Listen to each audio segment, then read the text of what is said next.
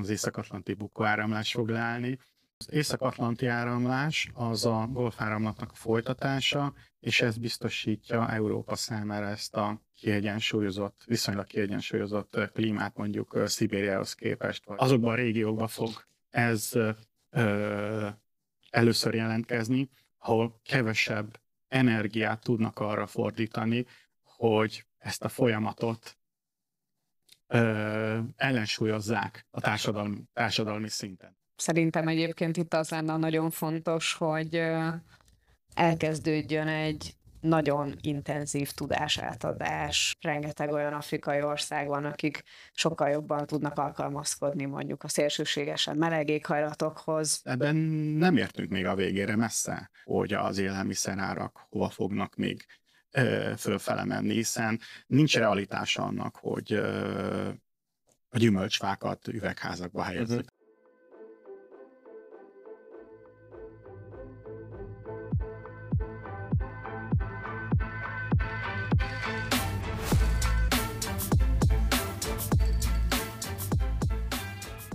Sziasztok! Ez itt az Zöld Bolygó Podcast harmadik adása. Engem Szeres Andrásnak hívnak, és ma arról fogunk beszélgetni, hogy hogyan fog eltűnni a tavasz és az ősz a mi életünkben is már akár. Kicsit ijesztőnek hangzik, de ha belegondoltok, hogy most a felvétel idején éppen egy ilyen őszi nyárban ülünk itt, akkor már is elképzelhetőbbé tűnik ez. Vendégeink arról fognak beszélni, hogy hogyan lesz ez még szélsőségesebb a jövőben, de egyúttal arról is fognak beszélni, hogy mégis hogyan lehet ezzel alkalmazkodni, és mi lehet ebből a kiút. Velünk lesz Molnár László meteorológus, és Körden Olga, a bolygó egyik házigazdája. Sziasztok, üdvözöllek titeket a podcastben. Sziasztok! Sziasztok. Ti hogy érzitek magatokat, amikor uh, szeptember végén besétáltok az adásra a tűző napsütésben 26 fokban? Mik az első gondolataitok? Én már nagyon régóta várom, hogy véget érjen ez a nyár. Én nem annyira csípem ezt a nagyon meleg időjárást, úgyhogy várom, a, a, számolom a perceket, hogy végre hűvösebb legyen. Én mostanában kezdtem el érezni azt az ilyen ősz illatot a levegőben, amikor már úgy érzi az ember, hogy ez már nem nyár, akkor se, hogyha ugyanolyan meleg van, mint nyáron, de hogy valahogy már más így a levegő, és ez amúgy nagyon boldoggá tesz ezt ö, érezni, de közben meg nagyon furcsa érzés, hogy, hogy ilyen meleg van, szóval ilyen uh, vegyes, vegyes érzelmek. Erre kell felkészülnünk, és ennél még szélsőségesebb dolgokra. Legutóbb egy pár hete adtál egy nyilatkozatot arról, hogy a mérsékelt égövszinte teljesen el fog tűnni, a jelenlegi ismert évszakok azok teljesen meg fognak változni, sokkal szélsőségesebb nyarakra és telekre kell felkészülnünk. Mesélnél erről, hogy pontosan mi vár ránk? Óriási változások történtek, tehát ahhoz képest, hogy mennyit szánkóztam, és voltak saját meteorológiai feljegyzéseim is már tíz éves korom óta, tehát vissza is tudok lapozni. Nem csak úgy, hogy talán volt hó, most meg nincs hó annyi.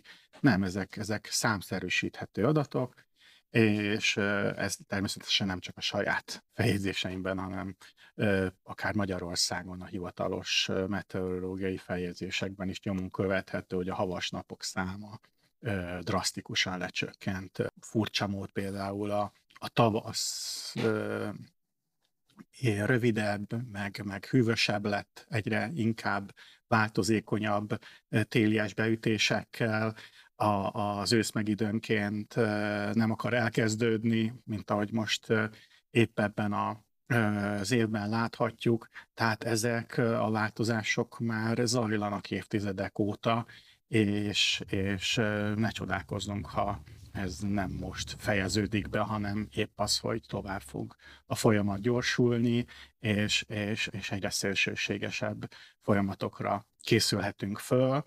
Melegszünk, tehát ez az Európa leginkább melegedő kontinens a, az összes közül, tehát itt a, a Kárpát-medencébe már régen meghaladtuk a másfél fokot, ami ugye egy ilyen célkütőzés a, annak a, a kordában tartása az egész bolygón, de az óceánok nem melegednek annyira, tehát azért nem értük még el.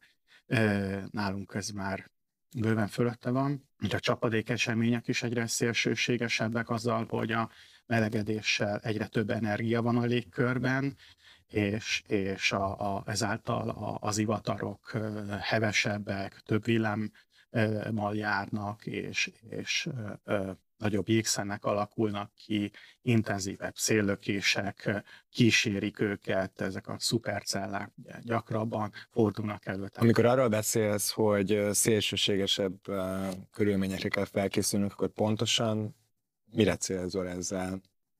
gyakorlatilag most már minden évben a, egy csomó gyümölcsálfaj. Tehát az, az, hogy a gyümölcsárak egyre horrorisztikusabbak, szerintem ezzel mindenki találkozik, ennek egy egyik fő eleme az, hogy egyre kevesebb terem, tehát hiába ültetnek akár több gyümölcsfát, mondjuk Lengyelországban, ott is utoléri őket, sőt, még jobban utoléri, hiszen északabbra vannak, még inkább egy áprilisi, májusi fagy le tudja ö, pusztítani a, a, az épp virágzó ö, fákat, és aztán utána ö, nézhetjük, hogy az almára miért ezer forint. Tehát ezek, ezek nem csak úgy vannak, mert valaki azt mondja, hogy legyen ezer, mert hát még azt is kifizetik az emberek, hanem, hanem egyszerűen ha, ha megvan, nem tudom, ezer fa, és szokott rajta teremni 20 tonna alma, és most csak 6 tonna terem rajta, attól még mind az ezer fát ugyanúgy gondozni kell. Tehát egyszerűen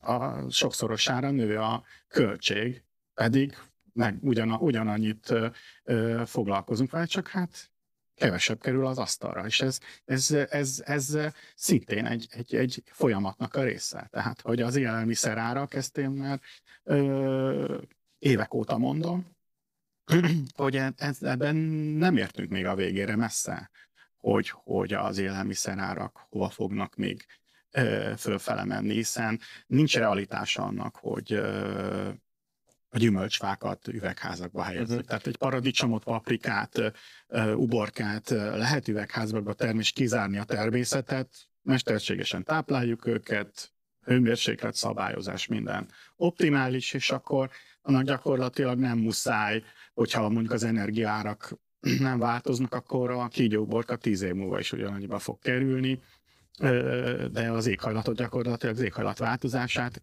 kiszűrtük. De mondjuk a búzát vagy kukoricát, ami tavaly az asszály ugye rettenetesen megtizedelt, megint csak nem tűnik olyan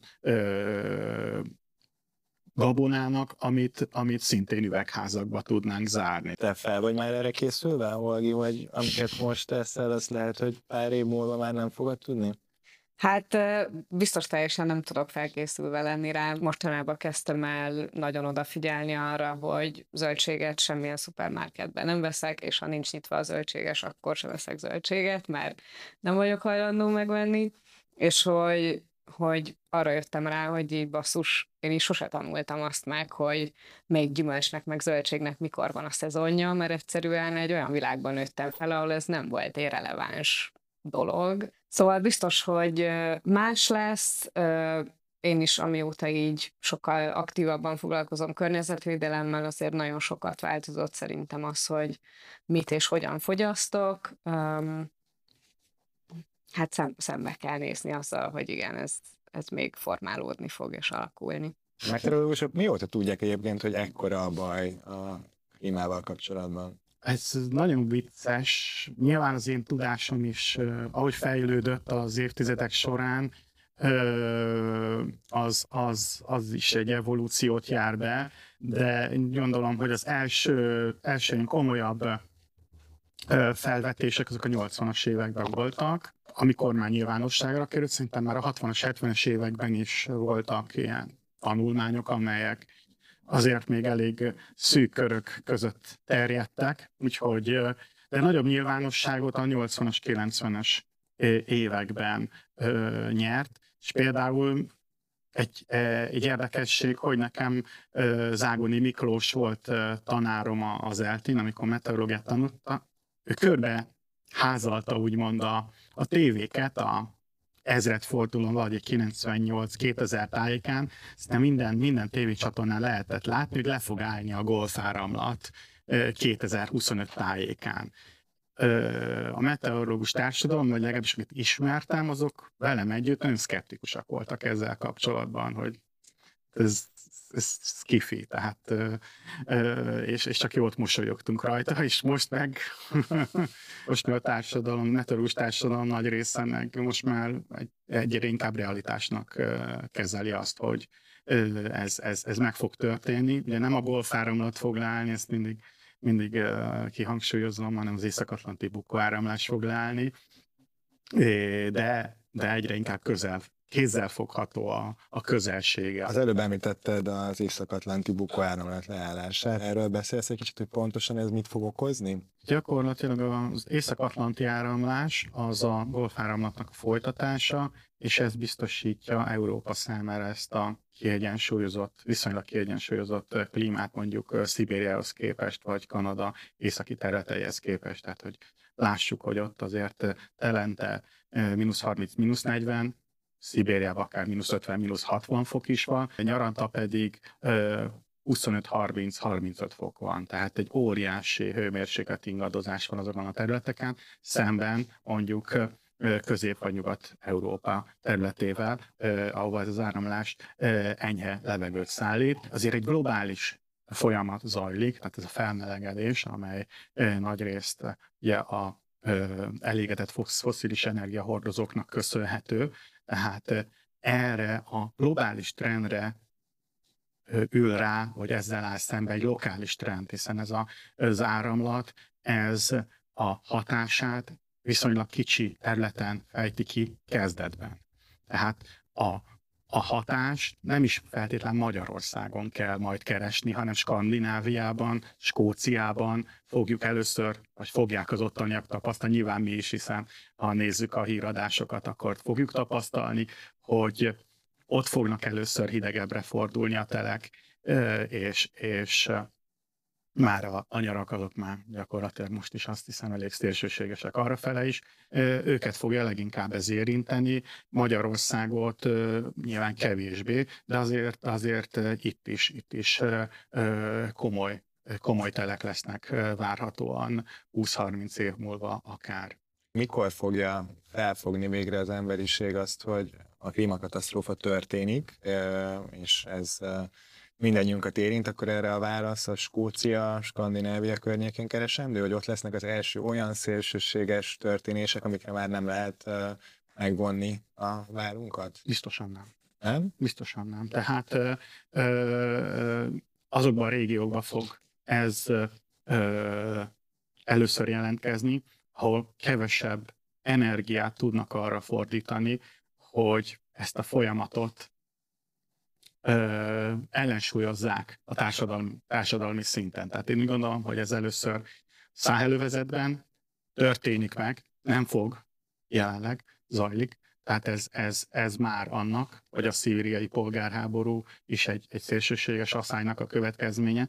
Tehát ezek a régiók, aztán majd jön India, ahol, ahol a melegedés hatása olyan magas nedves hőmérsékletet jelent. Ez a nedves hőmérséklet azt jelenti, hogy te, mikor válik telítetté hány fokon a levegő, és ha ez 30 fok fölötti értékeknél következik be, akkor ez még egy, egy egészséges szervezet sem tud alkalmazkodni hosszú távon, hanem meghal. Tehát ez sajnos Indiában hatalmas területen fog bekövetkezni. Nyilván ott nem fogják ezt megvárni, vagy nem nincs realitás annak, hogy mindenki légkondicionált irodában várja ezeket, a, ezeket az időszakokat, úgyhogy, úgyhogy ezek itt, itt fognak először bekövetkezni ezek a nagy, nagy, nagy változások, és Európában úgy gondolom később, tehát ez, ez évekkel, akár néhány évtizeddel később válik fajsúlyossá, hiszen hogy Skóciában, Norvégiában örülni fognak, hogy ismét hosszabb lesz a sí időszak, tehát nem kell az Alpokba menni, hanem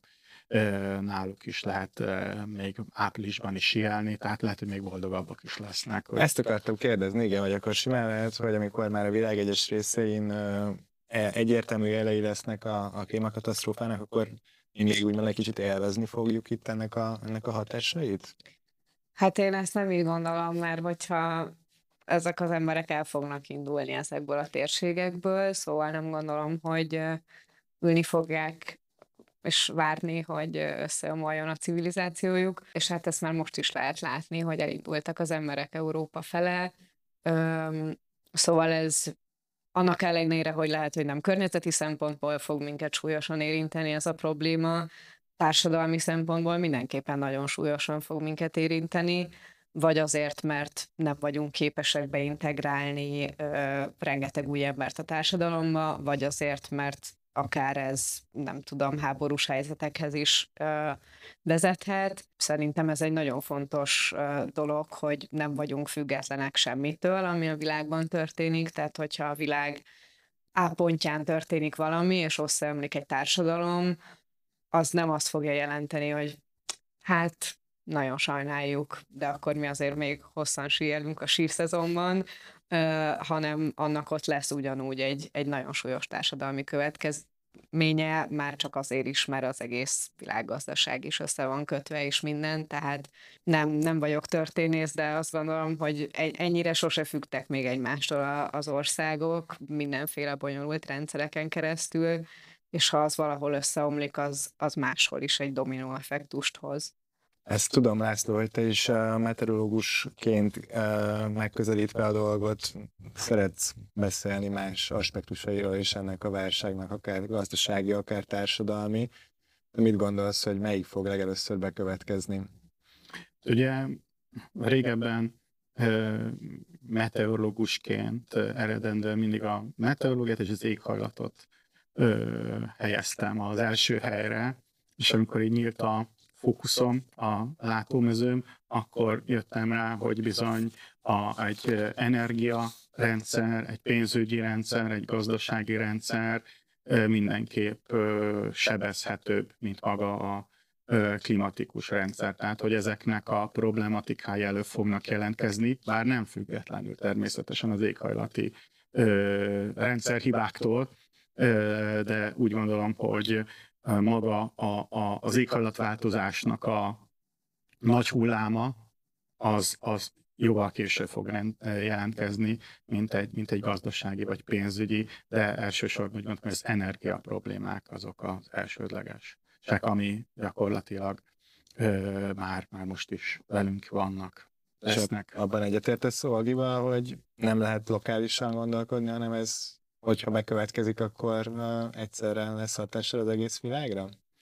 Ha nem is az egész világra, nyilván attól függ, hogy mekkora helyen jelentkezik, de, de egyértelműen nem maradott. Tehát egy, egy, egy, ott is Líbiában volt ez a hatalmas árvíz. Én kétlem, hogy az az emberek, akiknek megszűnt a városa, gyakorlatilag elvitte a, a, a, a, az árvíz, azok ott maradtak, hogy akkor nézzük, mi lesz velünk, ott azon a sivár vidéken, két lám. Tehát, hogy vagy Európa fele jöttek, vagy valóban migráltak onnan, lehet, hogy az országon belül, nyilván az arányokat nem tudhatjuk, de, de hogy ott is elindult, hanem is milliós nagyságrendű, de egy néhány tízezer ember biztosan helyet váltott az utóbbi hetekben.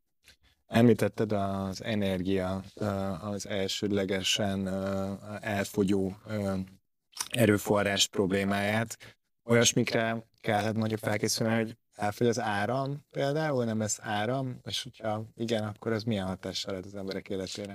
Én még fiatalkoromban tapasztaltam, hogy nem volt áram időnként, tehát ö, együtt lehet ezzel élni. A komfort fokozat az egy kicsit ö, visszavonul, tehát ö, Afrikában milliárdnyi ember él áram nélkül, hogy ha meg akarod nézni, hogy mi vár néz egy kicsit mögötted a sorba, ahol mm, szerényebb anyagi javakkal megállt országok vannak, például Kongóban, ahol csupán az embereknek a 60%-ánál van elektromos áramellátás. Most, amikor felszöktek az energiárak tavaly, akkor 40%-uknál kikötötték a villanyt, mert nem tudták fizetni a villanyszámát. Tehát a 60% 40%-ánál kikötötték a villanyt, ki lehet számolni, hogy nem sok háztartás van Kongóban, ahol, ahol most ö, elektromos árammal tudnak bármit is kezdeni. Úgyhogy ö, ők a legszegényebb öt országban benne vannak, Úgyhogy ez már szintén aktualitás, tehát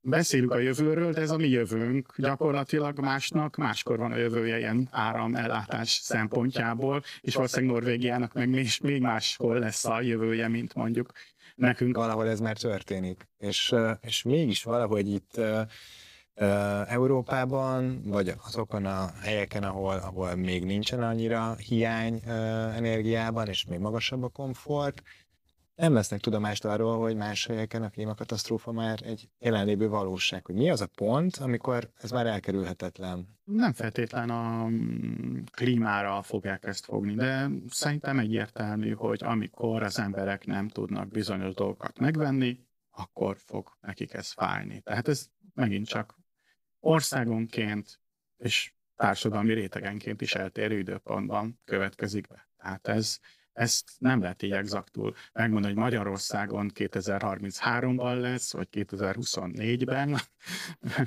de, de mondjuk Kongóban már tavaly megtörtént, úgyhogy, úgyhogy ez, ez, ez, ez nagyon eltérő, de mindenkinek a saját bőrén következik be, amikor a vásárló ereje tartósan visszaesik. Tehát amikor már mondjuk ő hozzá van szokva, hogy minden nap megeszik úzdek a kesudiót, vagy minden évben elutazik Indonéziába, és ez, ez tartósan kiesik, akkor bizony feszültség keletkezik benne, és kell keresni az okokat, hogy ez most miért van, és nem feltétlenül az éghajlatváltozásra fogja majd ezt.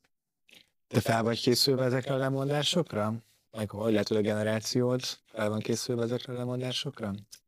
Hát én személyesen nem gondolom, hogy ezek lemondások. Én azt gondolom, meg így a saját generációmon is ezt látom, ezt most lehet, hogy kicsit messziről fogom indítani, de hogy amikor így a környezetvédelemről beszélgetek olyan barátaimmal, akiket tudom, hogy az abszolút hidegen hagy, és nem érdekel, és nem nagyon tudnak róla semmit, egészen addig a pontig, amíg elkezdtem nekik mondani, hogy a klímaváltozás, hogy a biodiverzitás csökkenése, hogy a stb. stb. és ez mennyire nagy probléma, senki nem tudott ezzel így azonosulni, vagy így azt mondták, hogy hát jó, jó, oké, hát ez van, és majd valaki megoldja biztos.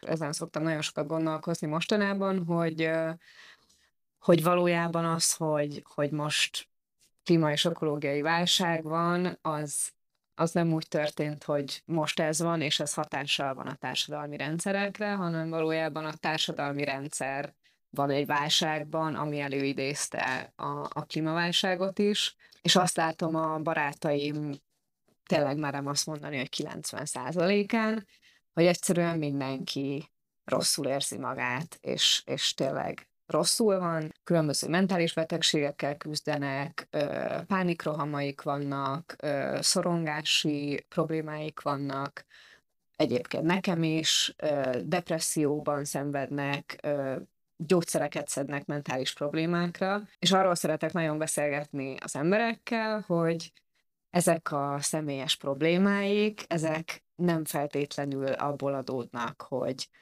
velük konkrétan mi történt, és ők milyenek, hanem egyszerűen egy, egy rossz rendszerben élünk. Arra van az egész felépítve, hogy mindenki boldog akarja lenni, csak éppen sose érje el a boldogságot, mert ha elérné, akkor nem fogyasztana többet, hogy elérje a boldogságot. Tehát így lebegtetnek előttünk egy ilyen képet, hogyha megveszed a coca akkor majd boldog leszel, és akkor megveszed, és rájössz, hogy nem láttél boldog, úgyhogy veszel inkább még egy pulcsit is, meg egy autót is, meg egy kétemeletes házat is, meg elmész még a 15. képzésre, és beutazod a világot, és a többi, a többi. Tehát ez a mindig még, mindig lehet többet, mindig lehet jobban. Ez egy ilyen borzasztóan toxikus ö, környezet szerintem, és egyszerűen elvesznek azok az értékek az életbe, amik valóban fontosak, egy, egy emberi közösség, a, a környezetünkhöz való kapcsolódás, egyszerűen az, hogy érezzük, hogy hol van a helyünk a világban, hogy ismerjük azt, hogy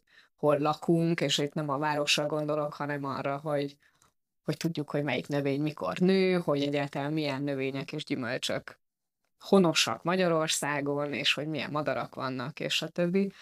És azt látom, hogy amikor innen közelítem meg ezt az egész témát, akkor sokkal jobban rá tudnak kapcsolódni, és sokkal jobban átérzik azt, hogy, Egyébként ebben tökre van valami, hogy igen, egyébként lehet, hogy azért vagyok szarul, mert mindenhol azt látom, hogy még vedd meg ezt is, még vedd meg azt is, és hogy valójában ezek nem adnak boldogságot senkinek. Nyilván ebbe is van egy határ, amitől ezt lemondásnak éli meg az ember, tehát nyilván, hogyha, hogyha veszélybe kerül az, hogy mit tud enni a másik nap, és, és hol tud lakni, és a többi, az nyilván már egy más kategória, és én is lemondásnak nevezem. Azokat a dolgokat, amikről én idézőjelesen jelenleg lemondok az életemben, ez valójában egy, egy hatalmas felszabadulásként élem meg, hogy engem nem érdekel, hogy még hatféle képzést elvégeznék, mert nem ezt szeretném csinálni, és nem érdekel, hogy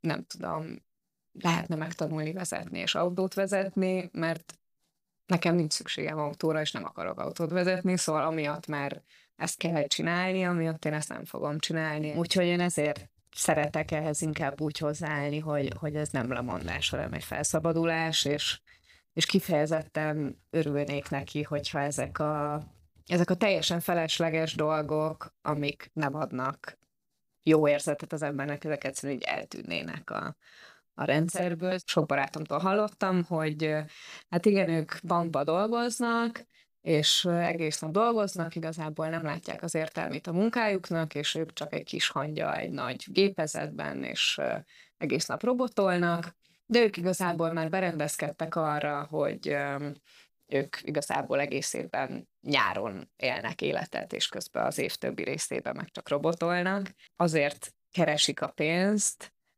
és azért szenvednek egész évben, hogy utána megengedhessék maguknak azt, hogy nyáron elutazzanak Balira, hogy kicsit kikapcsolódjanak ebből a robotolásból. És akkor kérdeztem tőlük, hogy de hogy mi lenne akkor, hogyha nem robotolnál egész évben, nem keresnél annyit, de egy olyan munkát csinálnál, amit szeret, és akkor lehet, hogy nem lenne igényed arra, hogy elutaz három hétre Hawaii-ra utána. Valójában sokszor az emberek maguknak kreálják ezeket a problémákat, mert annyira el vannak veszve ezekben, hogy mi az, ami egy valós érték az életben, és mi az, ami nem, hogy, hogy egy ilyen teljes katyvasz megőrület van szerintem így az egész világban. Úgyhogy szerintem ezért is nagyon fontos ezzel foglalkozni, mert, mert ez kicsit segít az embernek így eligazodni ezekben.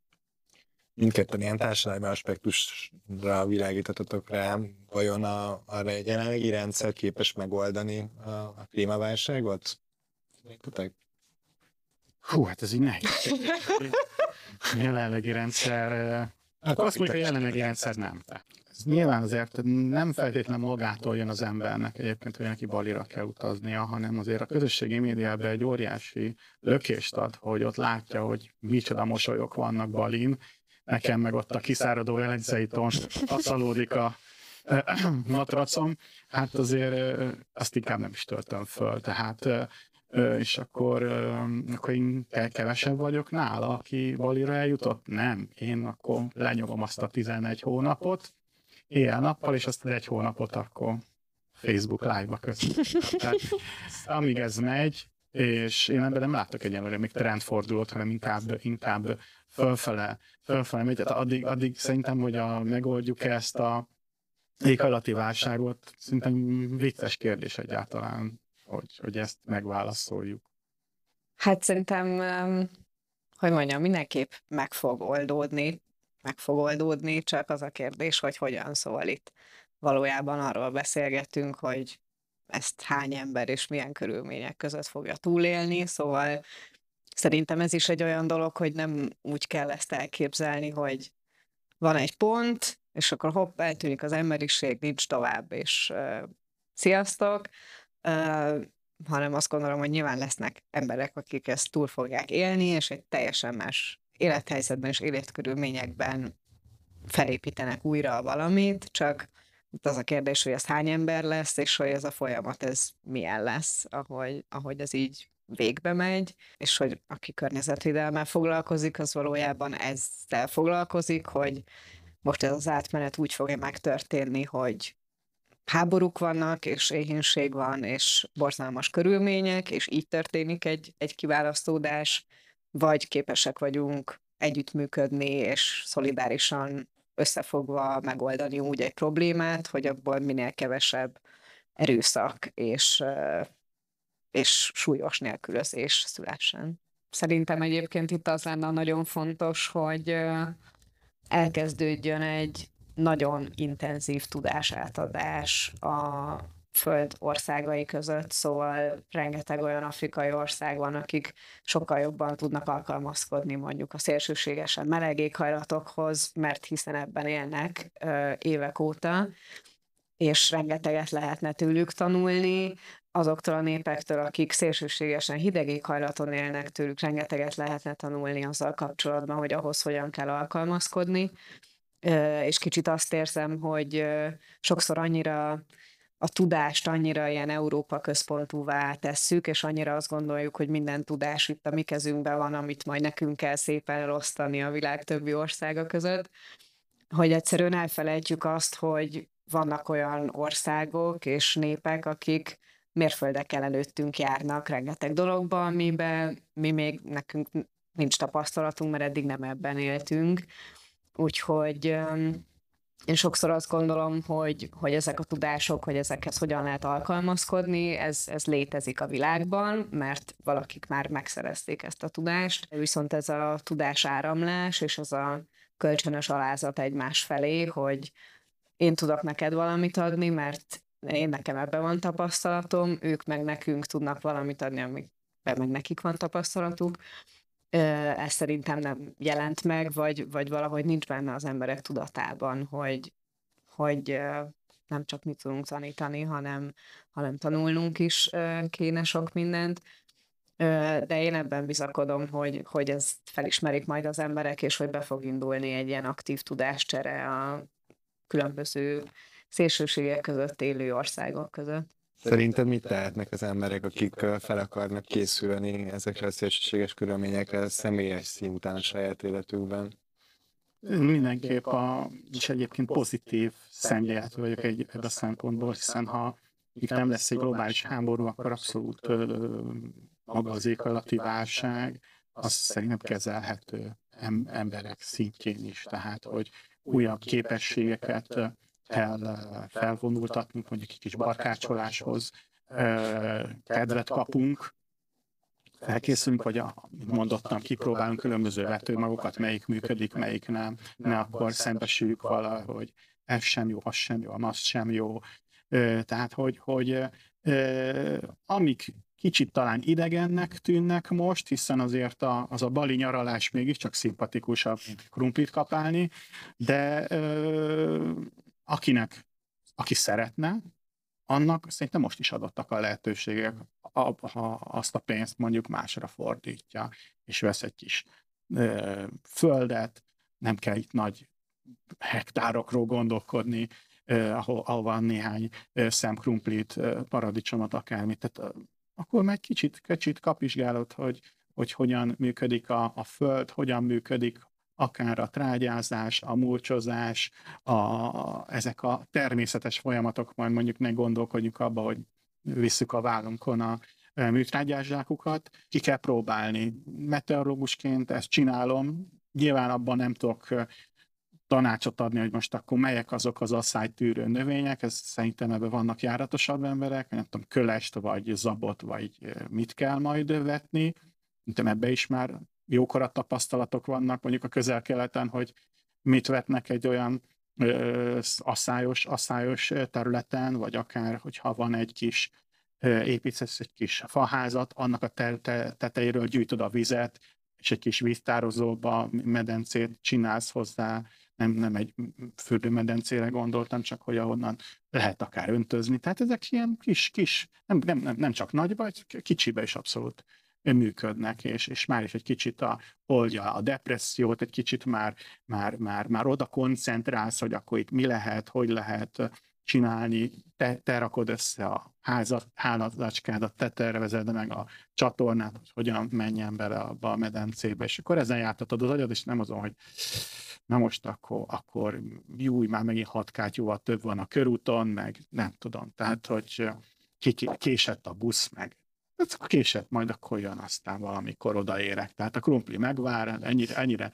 talán nem fogunk elkésni, hogy kinő a gaz, tehát ilyenekre gondolok, amit, amit, amit kicsibe, kicsibe meg lehet ö, oldani. Egyébként meg a szkeptikusok is a mi, mi mm, szám, vagy hogy mondják, a mi számlánkra dolgoznak, vagy ami, hiszen hogyha nagy mennyiségben megmaradnak, és, és, és nem, nem adaptálódnak, nem fogják fel, hogy milyen folyamatok zajlanak, akkor annál hamarabb jön a fal. Tehát gyakorlatilag attól még a fizika akkor is dolgozik, tehát ö, a, fog, be, be fog következni ez az esemény, és akkor meg lehet geomérnökösködni, tehát rengeteg minden lehet még tologatni ezt a ö, halmot, amit itt össze, összeraktunk az elmúlt évtizedekben, de előbb-utóbb, előbb-utóbb ö, a természet ö, teszi a dolgát, és akkor ö, esetleg jobb, több időnk lesz egymásra, és, és, és nem a közösségi platformokon fogjuk az életünket élni. Hát köszi, szerintem ez egy jó végszó volt. Lényeg, hogy még van időnk adaptálódni ahhoz, ami vár ránk, hogyha jól össze, amit mondtatok. De itt az ideje komolyan venni ezt, és igazán elkezdeni. Nagyon köszi, hogy néztetek és hallgattatok minket. Ez volt a harmadik adása a podcastnek az időjárásról és a várható jövőről. A negyedik adás egy rendhagyó adás lesz, egy életütő interjú egy kollégánkkal. Nézzétek majd azt is, várunk titeket akkor is, és nektek pedig nagyon köszi ezt a beszélgetést. Sziasztok! Köszi. Köszönöm.